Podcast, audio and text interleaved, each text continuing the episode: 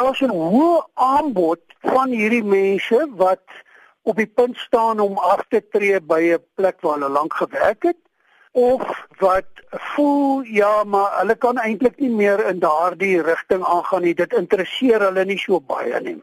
Maar hulle gaan baie geïnteresseerd wees in 'n nuwe rigting wat 'n noue verband met hulle ervaringsrigting loop.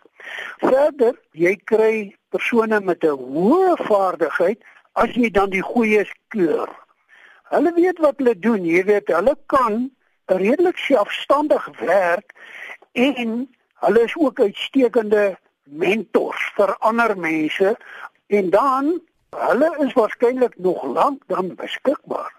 As jy 55 is, dan is dit soos wanneer dit 'n motor is wat nog net ingery is. Daai motor is nog nie sak gery nie. Maar wat is dan van die risiko's as jy iemand aanstel van 55 jaar en ouer, van hulle kan dalk op 63 of 65 dan aftree. Ja, kyk, 'n mens gaan hulle nie permanent aanstel nie. Hulle kry dan 'n tipe kontrak aanstelling. Hulle kry 'n aanstelling wat sê ja, maar dit hang af van hulle produklewering.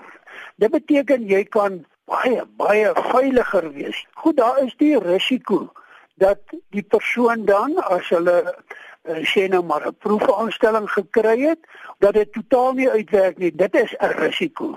As 'n mens nou goed kies, beteken dit jy kry 'n persoon wat hoog gemotiveer is. En laat ek jou dan sê, Jean, hulle bly jonk hoor van gees.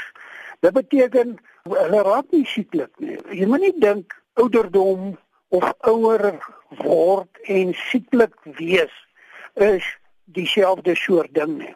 Jy is reg, daar is wel 'n risiko. Die ouens kan te gefestig wees in hulle gedagtes. Hulle kan hare koppe wees, jong.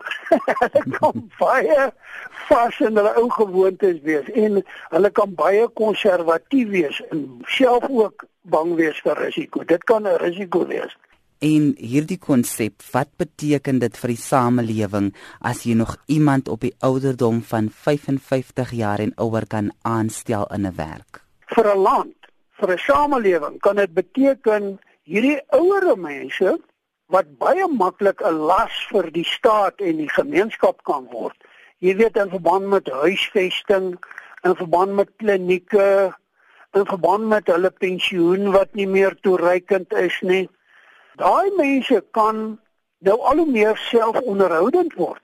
Vir die landsekonomie se hoë eise kant beteken dit jy het nog hoë vlak werkers wat jy bykry. Jy het nou ouens wat in die tegnologie, jy het ouens wat in die regswetenskappe, in die auditeurswese nog langer gaan aanbly en dit beteken 'n verlengde gebruik van goeie kundigheid.